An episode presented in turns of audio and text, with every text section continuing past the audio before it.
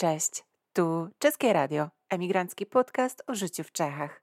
Z Brna nadaje do Was Marta Pasińska z bloga Dziewczyna z czerwoną walizką. Zapraszam do słuchania.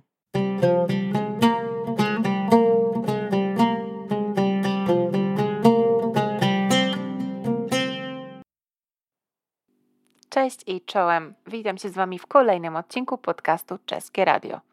Dzisiaj zajmę się tematem przeprowadzki do Czech. To temat bardzo szeroki, który wielokrotnie poruszałam już na blogu. Mało tego, napisałam o tym całego e-booka. Dzisiejsza audycja będzie więc swoistym podsumowaniem tego tematu, takim zbiorem myśli i refleksją nad życiem w Czechach z perspektywy emigrantki, która żyje tu już dobrych kilka lat. Na początku powiem Wam, że do Czech wyprowadziłam się, wyprowadzałam się dwa razy. Pierwszy raz był, no, pierwszy – w związku z tym popełniłam prawdopodobnie większość możliwych do popełnienia błędów. Źle obliczyłam budżet, spakowałam olbrzymią ilość rzeczy, nie zakładałam możliwości powrotu, nie przewidziałam, że praca może nie wypalić, nie zaplanowałam podróżowania do domu. W skrócie zrobiłam to trochę na oślep, e, wierząc, że po prostu się uda. No i co? Nie udało się. Po siedmiu ciężkich miesiącach zamawiałam ciężarówkę i pakowałam cały dobytek, który wracał do Poznania, mojego rodzinnego miasta. Wróciłam na stare śmieci. Minęły jednak dwa lata. Otrzepałam się z tej porażki, okrzepłam i postanowiłam, jak nie teraz, to kiedy. Wiedziałam, że życia w Czechach chcę spróbować. Tym razem jednak byłam o wiele mądrzejsza. Wnioski z poprzedniego doświadczenia nasuwały się same. Po pierwsze, spakowałam niewiele poza moją czerwoną walizkę. Po drugie, nie szukałam już pracy na etat. Założyłam firmę i zaczęłam pracować na własny rachunek, umożliwiając sobie home office w dowolnym kraju na długo przed pandemią oraz dając sobie możliwość wybierania dowolnej liczby dni wolnych. W ten sposób nie musiałam się już martwić, że ewentualne wizyty w domu rodzinnym pozbawią mnie zupełnie możliwości wypoczynku.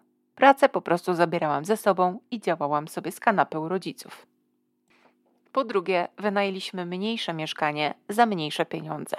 Tak, wiem, teoretycznie im większy metraż wynajmujecie, tym mniej za metr płacicie. Tylko, że wówczas to była różnica kilku tysięcy koron, różnica, która mogłaby okazać się krytyczna. Wybraliśmy więc bezpieczniejszą opcję. Po drugie, mój partner miał wtedy w miarę stabilną pracę i wiedzieliśmy, że nawet jeśli mi się nie uda od razu rozkręcić firmy, z głodu nie zginiemy. Po czwarte, Miałam też pewien zapas finansowy, na wszelki wypadek, gdyby w jakiś sposób powinęła się nam noga. Jak się potem okazało, ta noga oczywiście się powinęła. E, mój prywatny Czech stracił pracę dokładnie w dniu, w którym wprowadzaliśmy się do naszego, naszego nowego mieszkania. Pamiętam, że rozpakowywałam walizkę i zastanawiałam się, czy za chwilę nie będę jej pakować ponownie. Po piąte, miałam auto. To umożliwiło mi stosunkowo szybkie i w miarę bezproblemowe przemieszczanie się pomiędzy Brnem a Poznaniem. Było to ważne także ze względu na moją pracę, którą wówczas częściowo wykonywałam jeszcze dla firmy z Poznania, a także e, moje zdrowie psychiczne. Wiedziałam, że kiedykolwiek mogę po prostu wsiąść za kierownicę i ruszyć na północ. Jak się okazało, moje bezpieczniki dały radę. Mimo tego, że ja dopiero rozkręcałam moją firmę, mój partner nagle stracił pracę, trzeba było płacić najem i raty kredytu, udało się. Po pięciu latach nadal mieszkamy razem i nadal w Czechach. No dobrze, ale do konkretów. Czego można się spodziewać, wybierając na miejsce życia Czechy? Jak się zabrać do przygotowań do wyprowadzki? Może na początek rozwieję pewien mit, który w Polsce ma się dobrze.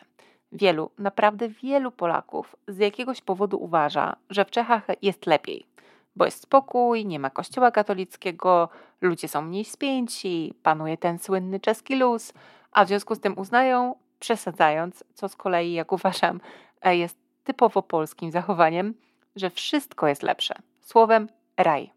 Ja się jednak zdecydowanie nie zgadzam. Czechy to nie jest raj. To kraj, który ma się stosunkowo bardzo dobrze, ale który boryka się z wieloma problemami. Inflacja sprawiła, że kraj jest ten stosunkowo drogi do życia. Mierzy się także z poważnym problemem związanym z cenami nieruchomości, których po, po prostu brakuje i których ceny są horrendalnie wysokie. Rynek czeski nie jest szczególnie duży, nie jest też mały, ale jeżeli jesteście przyzwyczajeni do obfitości w sklepach, jaką możecie spotkać w Polsce, no to możecie się trochę zawieść. Czeski mental ma owszem dużo plusów, mówiłam o tym w pierwszym odcinku, ale jednak małomiasteczkowość jest dość obecna, zresztą podobnie jak w Polsce, i także w tym społeczeństwie kołuje wiele krzywdzących stereotypów. To tak na początek. Mam nadzieję, że zbytnio Was nie zniechęciłam. Myślę jednak, że podejmując ważną decyzję, jaką jest decyzja o przeprowadzce, trzeba zdjąć różowe okulary, poznać okoliczności i zastanowić się, czy faktycznie się na to piszemy. Chodźmy więc pogadać o rzeczywistości. Pierwsze, o co chcielibyśmy prawdopodobnie zadbać, szykując się do przeprowadzki do Czech, będzie dach nad głową. Nie będę się tutaj rozwodzić o kupnie nieruchomości w Czechach, bo wyjeżdżając, zdecydowana większość świeżo upieczonych emigrantów najpierw coś wynajmuje, a dopiero potem, kiedy już trochę okrzepnie, być może decyduje się na kupno. Do wynajmu natomiast można pójść dwojako, podejść dwojako, w zależności od naszych możliwości czasowych, językowych oraz finansowych. To znaczy, można szukać osobiście, albo można zdać się na profesjonalistę. Osobiste poszukiwania mają tę wadę, że do skutecznej komunikacji z oferującymi mieszkania czy domu najczęściej trzeba znać język czeski. Znajomość angielskiego poza dużymi miastami nie jest zbyt wysoka. Do tego może się zdarzyć, że brak czeskiego odstraszy potencjalnego wynajmującego. Trzeba też pamiętać, że rynek wynajmu jest dynamiczny. To znaczy, że oferty szybko się na nim pojawiają i równie szybko znikają, a działać trzeba błyskawicznie. Opcja druga, czyli skorzystanie z usług biura nieruchomości, na pewno oszczędzi Wam sporo nerwów. Będzie to jednak kosztować. Opłata wynosi zazwyczaj wysokość najmu za jeden miesiąc. Przygotowując się do wynajmu, trzeba także pamiętać o kaucji. Ta najczęściej wynosi dwu- lub trzykrotność najmu. To wszystko oznacza, że aby cokolwiek wynająć, człowiek musi mieć na koncie przygotowaną cztero- lub pięciokrotność najmu na najem za pierwszy miesiąc, kaucję i ewentualną opłatę dla biura nieruchomości. Kolejnym plusem takiego rozwiązania jest to, że profesjonaliści pomogą Wam znaleźć odpowiednią dzielnicę w pobliżu pożądanych szkół, sklepów, infrastruktury, a także ogarną umowę z właścicielem. Wszystko to dotyczy oczywiście sytuacji, w której chcecie znaleźć mieszkanie. Na początek wiele osób wybierze jednak pracę przez agencję, a wraz z nią mieszkanie w. Tak ubitowni. Ubitowna to nic innego jak hotel pracowniczy, a w przypadku niektórych agencji lub firm można zresztą dostać do niego dopłatę. Nie będzie to jednak prawdopodobnie opcja luksusowa. Gdzie szukać mieszkania? Oczywiście najłatwiej w internecie. Warto zapoznać się z portalami takimi jak bezrealitki.cz, e, tutaj oferty bez pośredników, czy sreality.cz lub ulów domów.cz. Można też próbować na grupach facebookowych typu Pronajem w Brnie czy Bydleni w Pradze, mając jednak na uwadze, że mm, szczególnie w przypadku ogłoszeń anglojęzycznych może się okazać, że ktoś chce wykorzystać Waszą nieznajomość rynku i proponuje horrendalne stawki. Dobrze, mamy już mieszkanie, co z pracą? To bardzo ważne pytanie, które warto zadać sobie jeszcze w Polsce lub też jakimkolwiek innym miejscu, z którego się wyprowadzacie. Czy będziecie kontynuować pracę w tym samym zawodzie co wcześniej? Czy chcecie poszukać czegoś nowego? Czy to będzie praca na etacie? A może wolicie założyć własną firmę? Czy są do tego potrzebne jakieś zezwolenia? Zacznę może od portali z ofertami pracy. Tak jak w wielu innych krajach, e, także i w Czechach, warto skorzystać z portalu LinkedIn. To właśnie tam wiele dużych korporacji ogłasza swoje rekrutacje i zdecydowanie można coś tam na coś nam tam wpaść w oko, szczególnie jeśli odpowiednio oznaczycie miejsce, w którym szukacie nowej pracy. Podobnym portalem dla profesjonalistów jest Jobs.cz. Tutaj mam wrażenie pojawiają się oferty bardziej specjalistyczne. Poza tym mamy też pracę.cz. Tu z kolei więcej ofert pracy fizycznej. Co Was zaskoczy w pracy w Czechach? Cóż, moim ulubionym hasłem o Czechach ogólnie jest, że Czesi pracują, żeby żyć, a nie żyją, żeby pracować. To się pewnie w jakiś sposób objawi i przejawi, choćby w ciepłych kapciach, które w biurze będą nosić was wasi czescy współpracownicy. W piątek o 12 większość ludzi myśli już raczej o weekendzie niż o pracy i ciężko będzie cokolwiek załatwić. W Czechach dba się, czy tam zazwyczaj dba się o work-life balance, czyli czas na odpoczynek jest po prostu ważny. Jednocześnie może Was zaskoczyć, że prawo pracy w Czechach nie jest aż tak przyjazne pracownikowi, jak ma to miejsce w Polsce. Istnieje teoria, która mówi, że w Czechach aż tak propracowniczego prawa nie potrzebują, bo kultura pracy jest inna i pewnych rzeczy nie trzeba wymagać e, w, w prawie. Z kolei w Polsce, mimo przyjaznego prawa, wielu jest Januszy biznesu, którzy robią co chcą i żadnym prawem się nie przejmują. Ja się z tym nie do końca zgadzam. Myślę, że prawo do 20 dni urlopu w roku to nie jest dużo, a tyle właśnie ustawowo przysługuje pełnoetatowym pracownikom w Czechach. Jeśli w ofercie pracy wspominają o 25 dniach, to wiedzcie, że tych 5 dni jest benefitem od firmy. Jeśli zachorujecie i wylądujecie na L4, dostaniecie tylko 60% podstawy pensji. A dziś dostaniecie je co prawda od pierwszego dnia choroby, ale jeszcze kilka lat temu był to dopiero czwarty dzień. Takich elementów przyjaznych pracownikowi jest w Czechach, wydaje mi się, mniej. Być może to w jakiś sposób wynika z historii. W Czechach chyba nigdy w historii nie było aż tak wysokiego bezrobocia ani inflacji jak w Polsce w latach 90. Nie wiem, może to daleko wyciągnięte wnioski, ale bez tego doświadczenia Czesi jakby nie są świadomi tego, co się może stać, gdy sytuacja gospodarcza jest kiepska, a wy traficie na złego szefa. W czeskiej legislaturze nie istnieje w ogóle instytucja urlopu na żądanie, na przykład określonego tutaj jako tak zwane sick days, e, który oferowany jest, jeżeli w ogóle, to tylko przez duże firmy w formie benefitu mającego przyciągnąć najlepszych na rynku pracowników. Tak, coś, co w Polsce jest standardem, albo powinno być, o ile firma działa zgodnie z prawem, tutaj jest przywilejem. Z drugiej strony, skoro już zanurzamy się w prawo pracy, Czesi wolne soboty mają bodajże już od roku 1968. Być może właśnie dlatego czeski weekend istnieje już w języku czeskim w formie poczeszczonej, podczas gdy w języku polskim nadal jest to weekend w formie angielskiej. W Polsce bowiem wolne soboty zaczęły się pojawiać w latach 70. Na początku to były tylko dwie soboty wolne w ciągu całego roku. Przez lata 80., gdzie wolnych sobot była mniej więcej połowa, aż do początku III Rzeczpospolitej, kiedy w końcu wprowadzono pięciodniowy tydzień pracy. Inna rzecz, która sporo mówi o kondycji czeskiego rynku pracy, jest brak odpowiednika frazy najniższa krajowa. W Polsce wielokrotnie słyszy się, że ktoś pracuje za najniższą krajową. Jest to taki pewnego rodzaju odnośnik kulturowy, bo po prostu wiele jest organizacji, które nie podniosłyby płac, gdyby nie były do tego zmuszone. W Czechach ta fraza właściwie nie ma chyba odpowiednika. Ba, jakiś czas temu czeska najniższa krajowa była niższa niż ta polska, ale jednocześnie mediana zarobków w Czechach była wyższa niż ta w Polsce. Wynika z tego trochę, że płace czeskie bywają wyższe, bo firmy chcą przyciągnąć pracowników, a nie dlatego, że są do tego zmuszane przez prawo. Z dobrych zwyczajów warto wspomnieć strawenki. Strawenki to nic innego jak bony zakupowe na jedzenie i produkty spożywcze, które częściowo finansuje pracodawca, a częściowo pracownik, dokładnie w stosunku 55 do 45%. Warto o to dopytać przy rozmowie o pracę. Pamiętam do dziś moje zdziwienie, kiedy moja pierwsza czeska wypłata wpłynęła na konto i była niższa niż oczekiwałam. Okazało się, że część została z niej potrącona właśnie na strawenki, które dostałam później do ręki. Ile się w Czechach zarabia? To pytanie, mimo że pewnie najbardziej oczekiwane, jest chyba również najtrudniejsze. Odpowiedź to zależy. Przede wszystkim od stanowiska, co oczywiste, ale także od miasta i regionu, w którym będziecie pracować. Inaczej zarabia się w Pradze, inaczej w Brnie, a jeszcze inaczej w Ustí nad Labem. W dużych miastach będzie to oczywiście więcej, w mniejszych mniej.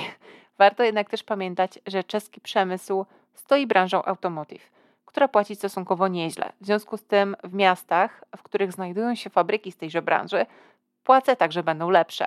Często się zdarza, że dobre płace w fabrykach niejako windują płace w innych zawodach w okolicy. Przykłady?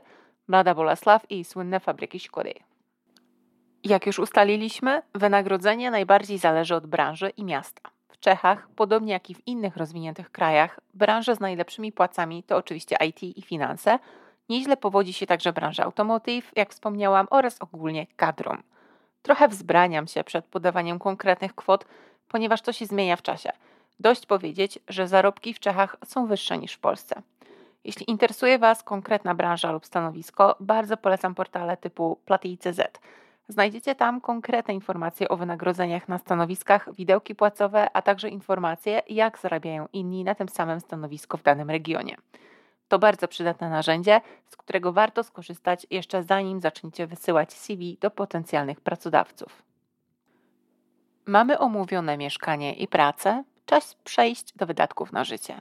To kolejny dość subiektywny temat, bo umówmy się, definicja godnego życia jest bardzo szeroka i dla jednej osoby może oznaczać gotowanie w domu bez mięsa, a dla drugiej swiczkową co drugi dzień na mieście w hospodzie. Na początek wspomnę, że żywność w Czechach jest droższa.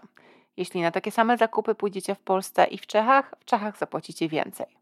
Kiedy pisałam podobny tematycznie wpis na bloga, a potem rozwijałam temat w e-booku, o, który, o którym wspominałam na początku, poczyniłam e, dość szczegółowe wyliczenia i z tychże wyliczeń wyszło mi, że dwie osoby mieszkające razem w jednym mieszkaniu w dużym czeskim mieście na utrzymanie siebie, e, wliczając w to koszt wynajmu mieszkania, koszt mediów, opłaty za internet i telefon z jedzeniem i piciem, również tym na mieście, lecz z zastrzeżeniem, że nie ma to mie miejsca e, częściej niż trzy razy na miesiąc, będą potrzebować z grubsza 30 tysięcy koron, co w przeliczeniu po kursie na luty 2024 roku daje trochę ponad 5 tysięcy złotych.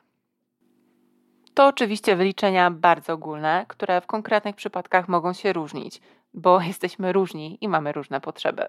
Jeśli interesują Was szczegółowe elementy tej kalkulacji, zapraszam na bloga lub do e-booka. Tam wszystko rozłożyłam na części pierwsze. No dobrze, skoro już pogadaliśmy o pracy i mieszkaniu, czas zahaczyć jeszcze jeden temat, z którym się zetkniecie jako świeżo upieczeni imigranci. Emigranci. Język.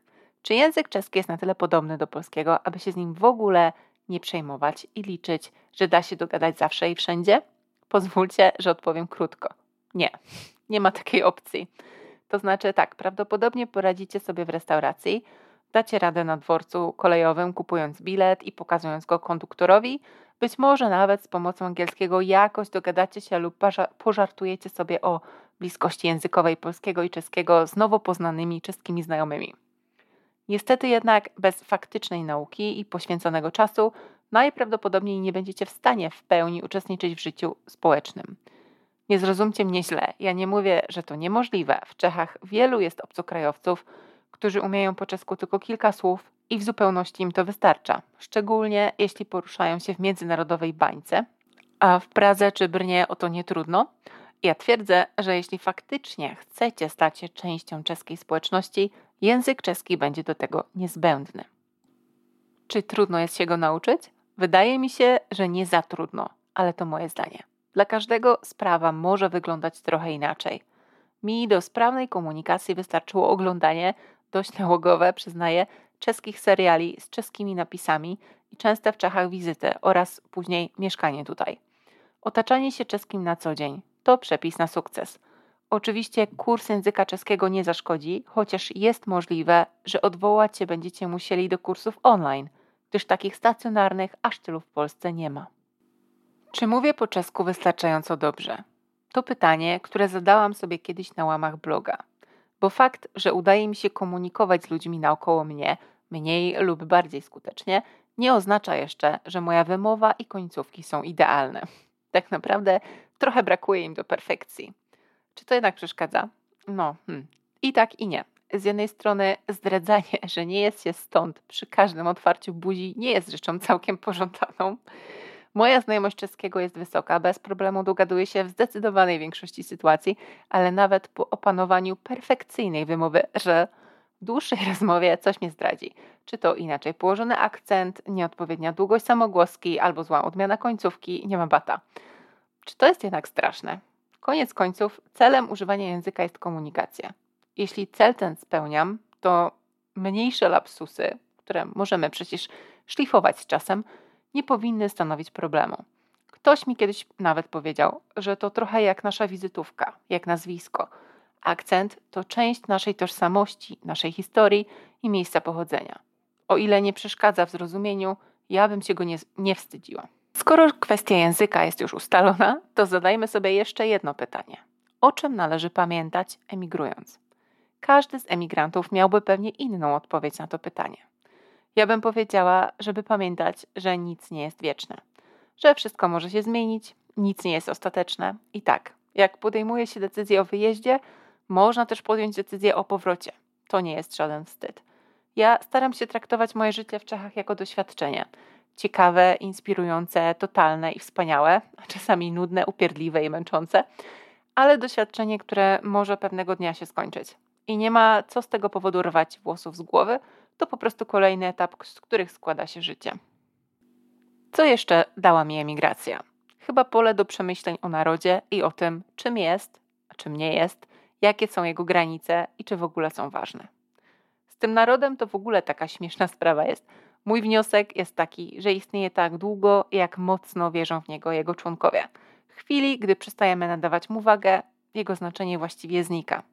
Zostają oczywiście pewne symptomy, czyli język ojczysty, wykształcenie, zwyczaje, ale pozostają one tylko tym językiem, wykształceniem, zwyczajami. Innymi słowy, bagażem kulturowym, który nas ubogaca, ale już nas nie ogranicza. Umiejętność patrzenia ponad narodowymi stereotypami to jest coś, e, czego codziennie się uczę, czego wpływ dostrzegam na co dzień i staram się go ocenić.